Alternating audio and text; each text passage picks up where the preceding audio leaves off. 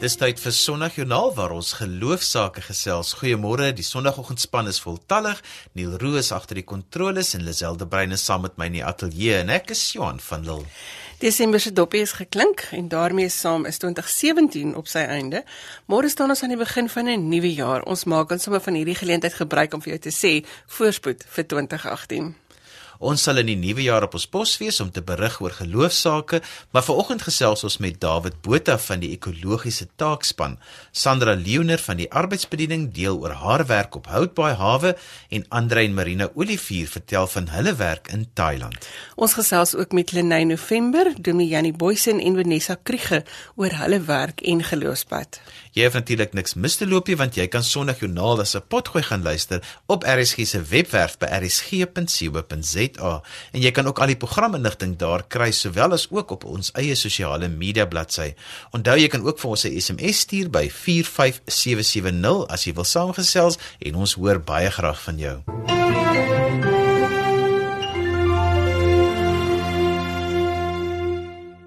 Demi David Botha is die voorsitter van die Weskaapse Ekologie Taakspan van die getuienisaksie van die VGK en die NG Kerk.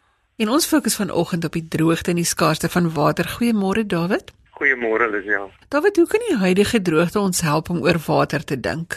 Lisel, wanneer ons iets verloor wat vir ons kosbaar of lewensnoodsaaklik is, skep dit vir ons 'n krisis. En alle krisisse het die potensiaal om ons wakker en nie te maak. Hierdie droogte maak ons wakker dit maak ons weer waterbewus. Ons het so gewoond geword daaraan om krane oop te draai en daar's altyd water wat loop en dat die water altyd beskikbaar is. Dit het veroorsaak dat ons met water besig was en dit gebruik het sonder om regtig daaroor na te dink, sonder om bewustelik met die water om te gaan. Dit ware asof ons uh, in die verlede vanuit die vanuit die altyd teenwoordigheid van water eintlik bewusteloos geleef het met water. Die droogte maak ons wakker die droogte laat ons water weer raak sien en water proe en water voel. Dit help ons om te besef hoe kosbaar water is en hoe afhanklik ons daarvan is. Maar die droogte maak ook ons nuut. Die droogte roep ons tot 'n nuwe lewenswyse. Mens kan dit nou in Bybelse taal sê die die droogte roep ons op tot bekering. Dit roep ons daartoe op om met water anders om te gaan, om dit met meer respek te behandel uh om um, 'n nuwe manier van lewe te ontwikkel. 'n Lewe wat gekenmerk word deur diep waardering en sorgsaamheid. 'n Lewe wat water as heilig vir God afgesonder en vir God se skepping gegee as 'n geskenk uh, om dit so te beskou en dit as kosbaar te hanteer. Oor water te dink as goud. Ons praat baie maklik van die groot dors wat deur die woord geles word of dat God die lewende water is. Help ons om 'n bietjie prakties hieroor te dink.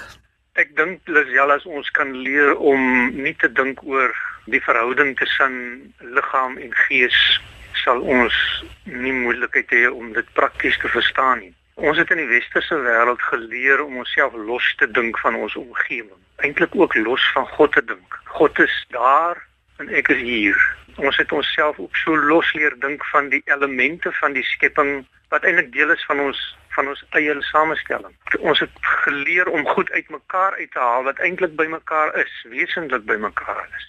En in Jesus van Nasaret wys God vir ons hoe een goed is, hoe hoe een gees en liggaam is, hoe een God en God se skepping is.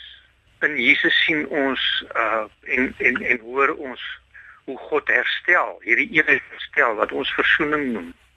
My liggaam en my gees is een. Dit is in die menswording van Jesus van Nasaret wat God vir ons kom sê, maar hy is nie daar nie. Hy is Immanuel. Ehm um, en in die uitstorting van die Heilige Gees kom woon God dan in my liggaam dat die Bybel oor my eie liggaam praat as tempel, tempel van God, God se huis. As 'n mens leer om so vanuit die eenheid te dink, dan verstaan mense ook as Jesus sê hy is die, hy is die een wat ons dors en ons honger wegneem, uh, dat ons eintlik nie twee dors het nie, maar net een dors. My dors na water en my honger na brood is een honger, is een dors. Dis dieselfde honger en dors wat ek het na God. En ek leer dan om te verstaan dat elke druppel water is ook Jesus wat na my toe kom.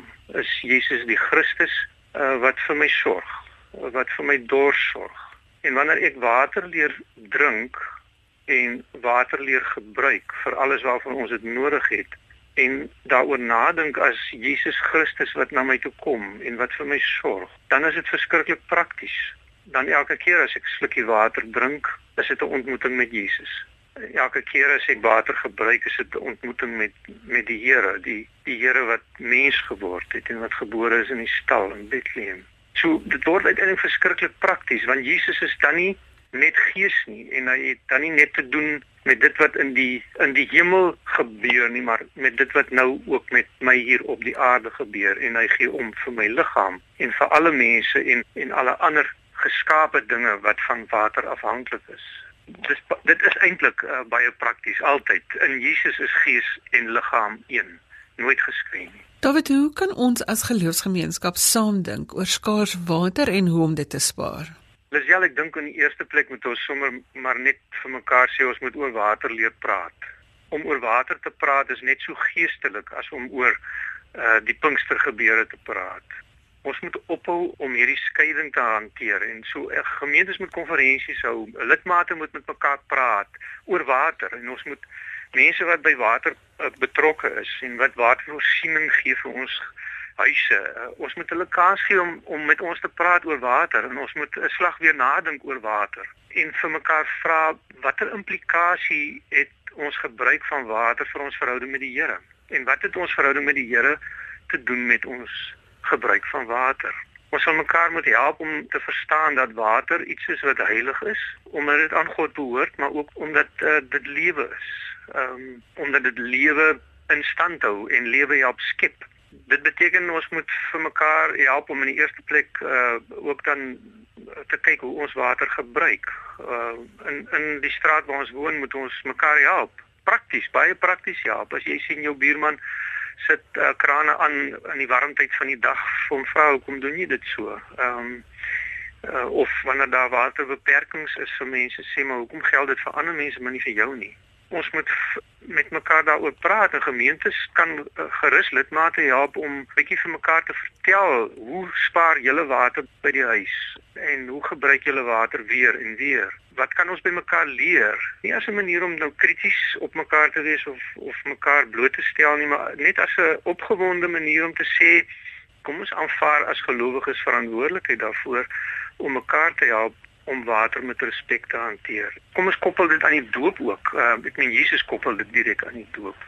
As jy onder die stort staan, uh, dink aan jou doop en dink wat God vir jou gesê het. Ehm um, en en moenie te lank daar staan nie, dis nie nodig nie. Uh hou by die reëls om die water te spaar. Maar dink aan die geestelike betekenis en en help mekaar en maak ons kinders so groot dat ons leer om te verstaan dat hoe ons water gebruik als te doen het met ons geloofslewe. David baie dankie dat jy vanoggend vir ons 'n bietjie gehelp dink het oor water, hoe om dit te gebruik en hoe om daaroor te dink. Dankie Lucia, dit was 'n voorreg. Ons het gesels met David Botha. As jy sopas ingeskakel het, sê ons goeiemôre. Jy luister na Sondag Joernaal saam met Lisel en Johan. Gemaak gerus 'n draai op RSG se webblad by rsg.co.za vir kontakinligting oor ons gaste vandag. Die inligting is ook op ons Facebook bladsy waar ons nou en dan ook 'n paar fotos en ander interessanthede ook vir jou laai. Sandra Leoner is deel van die arbeidsbedieningspan en sy werk by die Houtbaai Hawe. So vanoggend gesels ons oor haar werk. Goeiemôre Sandra. Hallo Lisel. Vertel vir ons van jou bediening by die Houtbaai Hawe. Um, as arbeidsbediening reik ons uit na mense uh, binne en rondom die werksplek. Uh, Biblia is een van die projekte en um, ons fokus spesifiek op die vissersgemeenskap. Ons teikensgroep is hoofsaaklik die vrouens in die gemeenskap. En hoe kom jy by die vrouens uit? Ons het 'n kantoor op die hawe, verskriklike mooi gebouetjie wat ons nou seker vir die laaste 6 maande eintlik moes gerestoreer het. Daar was baie vandalisme gewees. Die gebouetjie is nou uiteindelik reggemaak. Arbeidsbediening het daarvoor uh, fondse beskikbaar gestel. So ek werk vanuit hierdie gebouetjie af en um, ons teiken is hoofsaaklik die fabrieke en die besighede in die hawe. So ons sal byvoorbeeld na die restaurante toe gaan um, met hulle werkers. Snoekies is reg oorkant ons. Baie van die vrouens aan die begin terwyl ons nog besig was met die onderhoud werk, het die vrouens spontaan soontoe gekom want hulle gebruik hulle smoke breaks en sulke goeders. En ehm um, daaruit het ons maar gesprekke be begin. Die gedagte is dat 'n uh, mens met die besighede op die hawe wat nou die ehm um, restaurante is, die visfabrieke en dan selfs ook die toerisme dat 'n mens hulle ook betrek in hierdie in die bediening. Watter verskil maak julle werk in die gemeenskap? Die hart van die bediening is om weer vir mense hoop te gee. Ons weet dat geloof in Christus ons groot anker is en dit dryf ons voort om te volhard in dit wat ons glo maar nie altyd kan sien nie. Ons wil graag 'n bewustheid skep van God se geskenkpakkies van hoop wat hy reeds aan elkeen onvoorwaardelik skenk, maar wat soms misgekyk word weens omstandighede. En as ons kyk spesifiek na die omstandighede van die vissersgemeenskap, is dit beroerd. En ons sien dit as 'n plekkie van hoop, 'n plekkie van wees, 'n plekkie van net om weer 'n bietjie mens te wees, veiligheid, ja. Wat is die omstandighede van die vissers? Wat is die uitdagings vir hierdie gesinne? Armoede is 'n ongelooflike groot probleem en saam met armoede weet ons gaan al hierdie ander goeie soos dwelm en drankmisbruik en ehm um, huishoudelike geweld gaan gepaard met al daai goeters. Die uitdaging wat ons tans ervaar hoe daar dieselfde die dinge wat na ons kant toe kom is vrouens wat kom om uit te roep vir hulle kinders. Want jy kry baie keer kinders van 14 tot 16 jaar wat uit die skool uitgaan, wat in drugs betrokke geraak het, dan kyk 'n mens na wat is hierdie wat is die toekoms van hierdie kinders. Dit is 'n norm vir hierdie kinders. Hulle sien dit is die standaard. Dit is nie ongewoon om te hoor dat 'n kind dagga gebruik nie of ehm um, dat hulle ietsie gebruik in die aand om hulle net aan die slaap te raak nie. As 'n mens bewus is ook van wat uh, wat trauma aan 'n uh, 'n kind doen en wat trauma in hierdie gemeenskappe doen, dan kan 'n mens hoe meer jy met hierdie mense gesels, hoe meer bewus raak 'n mens van hulle benarde omstandighede en dis moeilik om dan terug te staan en nie te sê maar ek verstaan eintlik hoekom jy is waar jy is. Ek dink dit is daar waar daar die passie is om weer hoop vir hierdie mense te kom gee, hoop in iets anderster. As ek dink in terme van my studies, iets wat my baie na in die hart kom lê het is die effek wat apartheid kan hê op mense se selfwaarde en hulle uh hulle omstandighede. Omstand... Selfs al is dit 20 jaar later, ja. daar is daar is mense wat nog steeds agterbly wat nie kan bykom nie. Ja, en net die gedagte ook rondom dit is dit is iets wat wat wat jou daar sit, maar jy hoef nie daar te bly nie, maar wie is daar om langs jou in te kom en saam met jou pad te stap en ek dink dit is tydens my kursus in pastorale berading is dit iets wat wat baie na in my hart kom lê, want as jy kyk na hierdie mense en 'n mens besef dit wat hulle nodig het is in baie gevalle terapie, maar die beskikbaarheid van kwaliteitsterapie is onbekostigbaar vir hierdie mense. En dit was een van my passies gewees hoekom ek uh, dit gaan doen het is want 'n mens word opgelei in diepte om dit te kan verstaan en ook om saam te werk saam met uh, professionele mense sodat hierdie mense op die einde van dag die die kwaliteit kan kry wat van ander beskikbaar is maar wat nie vir hulle beskore is nie.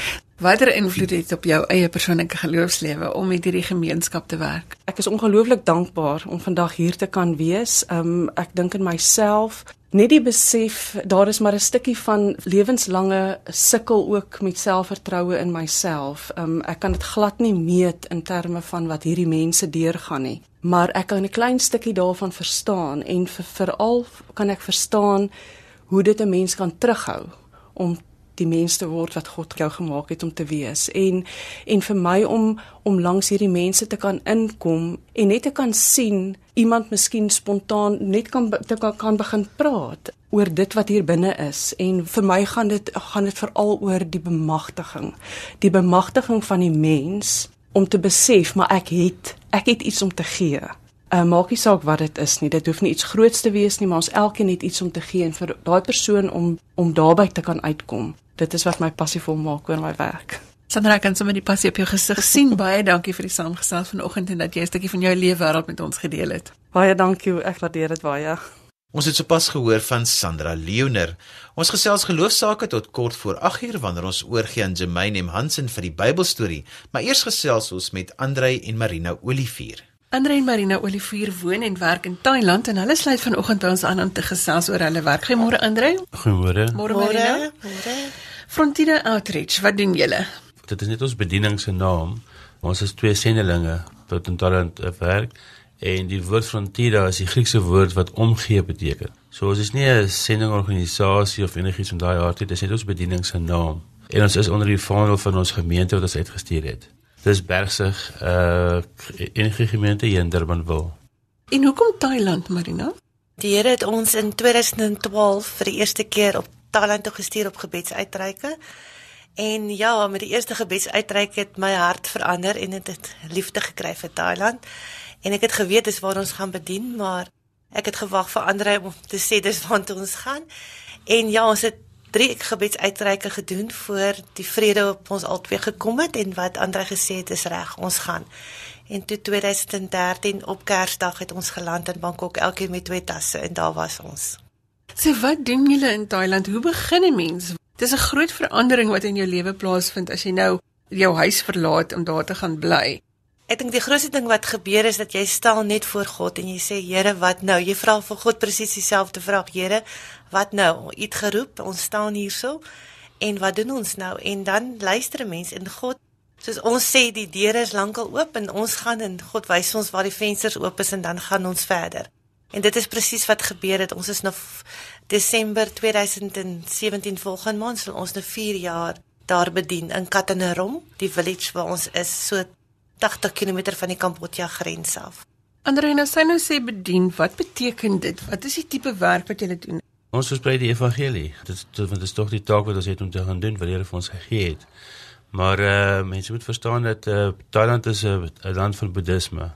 So bietjie meer as 94% van die land ehm um, se mense is almal boeddhisties. So waar ons bly in Kantarom, die distrik, is ons 110 000 mense.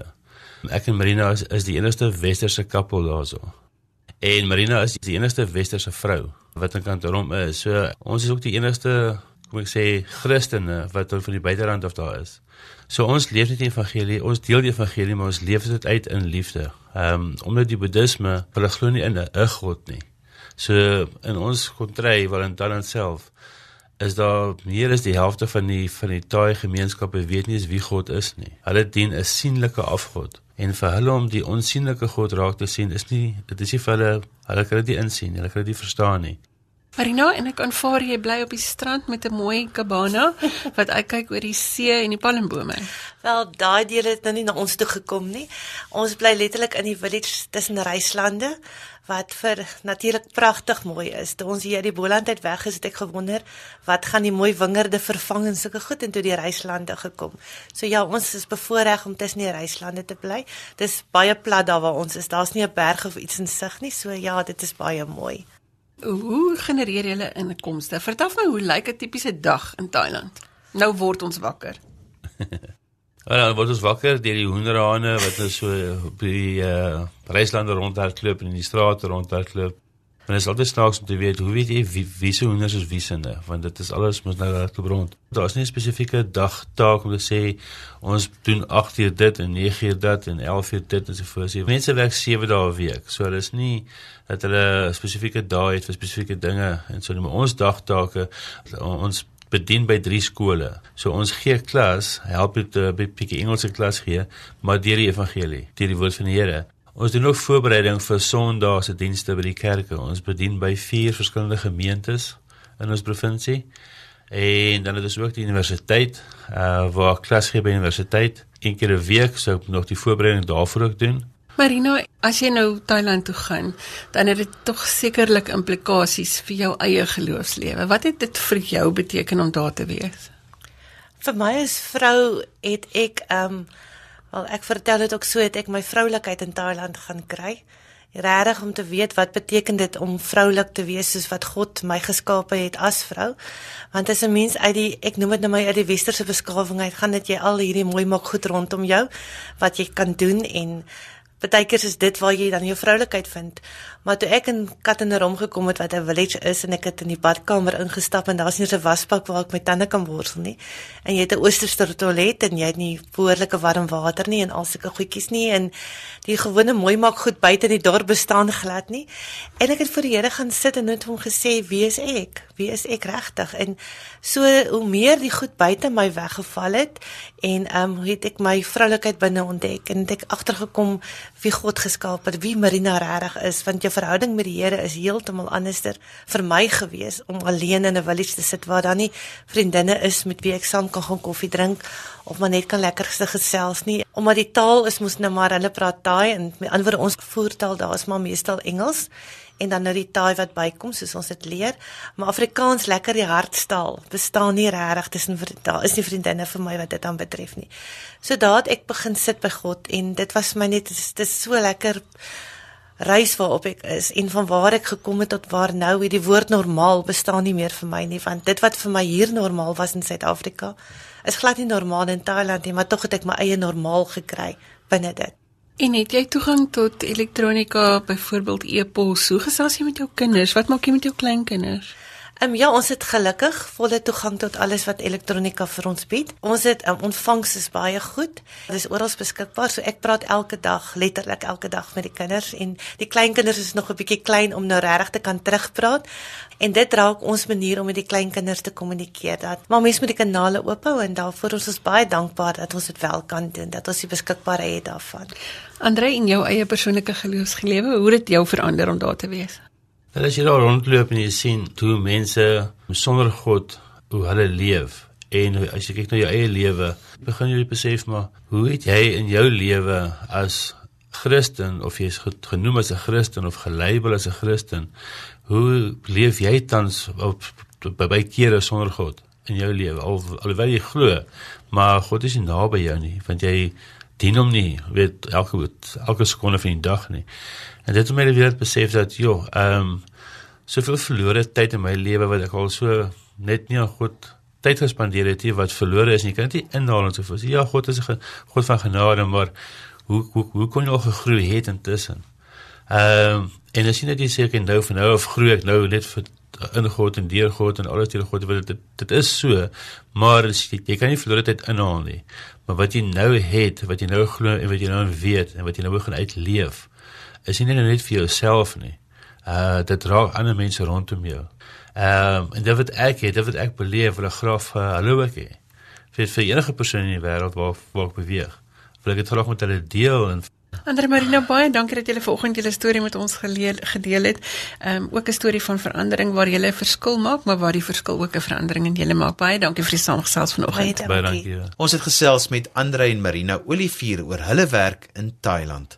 Ons staan aan die einde van 2017, môre is dit die eerste dag van 2018 en ons wil namens die Sondagjoernaalspan vir jou 'n baie voorspoedige jaar toewens. Ons wens dat dit 'n jaar van vrede en seën sal wees. Hier by my in die ateljee vanoggend is Dominee Jannie Boysen en Lien November beide van die arbeidsbediening en ons gesels oor hulle werk en geloofspad. Goeiemôre Lien.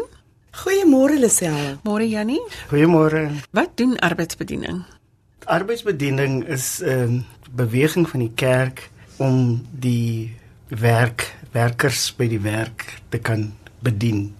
Ons weet mos nou as gevolg van die uh, industrialisasie is daar baie goeie gelowiges en goeie mense wat graag by die huis van die Here wil wees, maar uitgesluit word as gevolg van hulle werksverantwoordelikhede wat hulle moet nakom. Die kerk het besluit om nie stil te sit nie. Ons beweeg in en ons het van van uit die kerk af arbeidsbediening begin wat al baie baie jare uh, al aan die gang is en ons probeer om die behoeftes, geestelike behoeftes van werkers aan te spreek.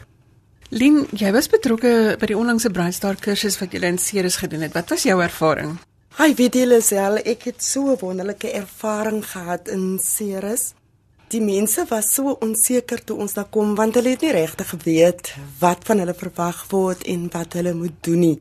Maar weet jy sommer die eerste dag tydens die aanbieding, toe kan jy sien die mense het iets geleer want een van die werkers het tydens teetyd met my gesels en gesê sy wou so graag hê haar kind moet landbou gaan studeer, maar sy het nou net in die kursus geleer. Sy kan nie keuses maak vir haar kind nie. En toe het ek geweet hier is ons eers heen op pad. En dit is vir my absoluut wonderlik dat ons mense 'n tool in die hand kan gee.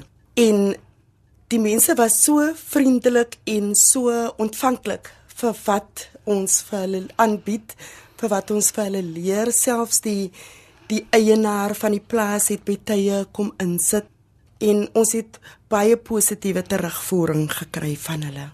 Vanessa Kriege werk op Ceres by De Eiken van die De Kok boerdery en sy deel met ons haar ervarings uit ons aangesluit. Môre Vanessa. Goeiemôre Lizia. Vertel ons van jou werk by die De Kok boerdery. Lizia, ek werk nou vir ongeveer 5 jaar op De Kok boerdery. Ek het begin as 'n algemene werker op De Kok boerdery en in die volgende 2 jaar was my potensiaal raak gesien en ek is aangestel as 'n toesighouer tussen die seisoenwerkers en dit het uiteindelik harde werk gekos. Ek gaan nou so 'n bietjie kort knip. Ehm um, dit het vir my baie harde werk gekos om te staan waar ek vandag staan. Ehm um, ek moet baie dinge moet ek prys gegee het, soos in byvoorbeeld kom ek sê um, my kwaliteit tyd waar ek miskien met my gesin spandeer het. Ek moes dit opgegee het vir 'n kursus waaraan ek belang gestel het. En die kursus het baie tyd uh, van myself gevat en my familie maar ek was iewers hier op pad en ek het besluit ek gaan die kursus met al twee hande aangryp. Is 'n geleentheid vir my is 'n geleentheid vir my gesin vir 'n beter toekoms en vandag staan ek in die eike as produksiebestuurder En as ek terugkyk op my lewenspad, dan besef ek al die harde werk was die moeite werd geweest. Ja, daar was opdaan, daar was afdaan geweest, maar nou ja, dit mos nou maar nie maklik in die lewe om aan iets te kom, die sukses kom deur harde werk. En dit is wat ek vandag doen op die plaas. Ek is vandag hier op die kokboerdery as ek produksiebestuurder waar ek self baie trots is. Vanessa, en watter rol speel geloof in jou jou elke dag se lewe? Um Lucia, ek sou sê geloof speel 'n baie groot rol binne jou werksomgewing. Die rede hoekom ek so sê, ons werk met mense, seisoenwerkers wat onuit die dorp uitkom en baie kere dan is dit bietjie moeilik om met hulle te werk, maar wanneer hulle jou geloof vir jou as mens begin ken en sien dat jou geloof maak 'n verskil in jou lewe, dan is dit vir jou baie makliker en jy verdien op daai oomblik verdien jy respek. Jy kry respek van beide kante af van jou werkers af van jou hoër bestuur af. So geloof maak dit vir jou binne in die werksplek maak dit vir jou dinge baie maklik. En jou belewing van die kursus wat jy nou onlangs gehad het saam met arbeidsbediening? dit was 'n baie groot belewenis. Ek sou sê dit was baie excellent geweest van een van die woorde wat ek onthou, dis excellent en ek dink nie net vir my self nie, maar selfs vir die medewerkers hier op die plaas was dit vir ons 'n kursus wat ons nooit sal vergeet nie want as jy so vandag deur die mense beweeg en dan sal jy nog luister maar ek het dit by Breitstar geleer ek het by Breitstar geleer om op te staan vir dit wat ek wil hê in die lewe, om my punt staan te maak hoe ek voel. So die kursus was baie leersaam en dit het ons mense veranderde mense gemaak en ons mense maak 'n groot verskil. En ek kan sê as vir u sê Lazia, ons mense was baie teruggetrokke. Hulle is vandag baie selfverseker, vol selfvertroue en met dit kan ons mense hier op ons plaas, ons gemeenskap 'n betere gemeenskap maak. Dankie Vanessa. Demiani, as ek kan terugkom by jou. Wat is Brightstar? Wat doen julle spesifiek? Brightstar is 'n lewensvaardigheidsprogram om mense lewensvaardighede aan te leer. Dit was deur navorsing blootgelê en die lewensvaardighede wat mense moet leer moet hulle aanspoor om uiteindelik soos Vanessa sê by uitnemendheid uit te kom. Ons is so gewoond om gematig te lewe. En Brightstar wil vir jou sê jy kan nog beter vaar as wat jy tans vaar. En dan ook daai ouens wat sukkel om iets te maak van die omstandighede en die omgewing waarin hulle is om genoeg uh innerlike energie op te diep om dan dit in hulle lewe in te ploeg en dan 'n verskil te maak. Daar is 'n paar spesifieke dinge wat jy aanraak in die kursus. Dit is reg en ons vat hulle hand en dan lei ons hulle op om uh, eerstens 'n skitterende selfbeeld op te bou want baie van ons selfbeeld dit is miskien daar waar die probleem lê en dan weer 'n skitterende verhoudings wat ons het want ons lewens word bepaal deur die verhoudings wat ons met mense het. En dan die laaste een, nou, ons wil daarom ook mense laat verstaan julle is leiers in God se skepping saam met God. Daarom help ons hulle om skitterende lewens uh, leierskapsvaardighede op te bou en en te ontwikkel. Lien, as ek kan vra jou persoonlike geloofsbelewenis om te doen wat jy doen, wat beteken dit vir jou? Weet jy, geloof is vir my verskriklik belangrik, Lisel want behalwe die bediening in die werksplek kry jy daagliks in jou werk met individue te maak wat miskien probleme ervaar en jy kan saam met mense bid en jy kan vir hulle raad gee jy kan hulle aanmoedig en wie dit help ook vir my om 'n beter Christen te wees My werk maak dit vir my so belangrik om nou met die Here te wandel. So my geloof is absoluut vir my 'n fokuspunt en dit is prioriteit. Doen nie Jannie vir jou? Ek ek wil weer terugkom deur my persoonlike genot bietjie meer te gee in dit wat die wat die kursus probeer bereik en, en uitdruk. Ons het so 15 temas Lisel. Dat met daai temas gaan ons op 'n toer deur iemand se lewe en dan uh, hou ons voor daai belangrike lewenseienskappe waarmee ons weet mense beslis worstel mee in daai 5 15 temas van ons wat ons binne een presentasie aanbied, daai help vir hulle om te kan sien wat het hulle in terme van lewensvaardigheid en wat het hulle nie. Dit daar moet prioriteite wees in jou lewe wat dit jy dit moet in in in ag neem om om goed en uh, briljant en uitmuntend te kan vaar. En jy moet jy moet definitief 'n lewensdoel hê. En so gaan ons deur die hele 15 temas en en daai temas wys elke keer vir jou 'n gebrek in jou lewe of 'n punt waarop jy moet groei en dan moedig ons hulle aan deur vir hulle uit die navorsing uit goeie voorbeelde te gee oor hoe om dit reg te stel. Dominee Jannie, Lenay en Vanessa baie dankie dat julle julle storie met ons gedeel het, julle geloofstorie en julle geloofspad. Mm. Ons sê vir julle dankie vir die saamgesels vanoggend. Baie dankie Lisel. Baie dankie Lisel en groete vir die mense. Baie dankie Lisel en 'n warm groete hier van die kokboerdery af vir julle. Ons hoop die nuwe jaar lewer nog sulke stories op waar boere en plaaswerkers goed oor die weg kom en mekaar respekteer en dieselfde geld vir alle besighede met werkgewers en werknemers.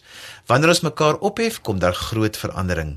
Met Dominee Jannie Boysen en sy span is ons aan die einde van vanoggend se program en daarmee groet ek Johan van Dil tot volgende jaar. Ons is net daar terug volgende jaar met nog geloofsake en jy kan vir my e-pos met kommentaar of as jy 'n geloofstorie met ons wil deel by Lazel by www.media.co.za. Jy kan ook vir ons 'n boodskap deur die webwerf stuur by rsg.co.za en onthou asseblief om jou kontakbesonderhede by te sit. Tot volgende week en volgende jaar groet ek namens produksieregisseur Neil Roo. Soos altyd, maak 'n punt daarvan om vandag iemand se dag makliker te maak en gaan die nuwe jaar in met vrede. Totsiens.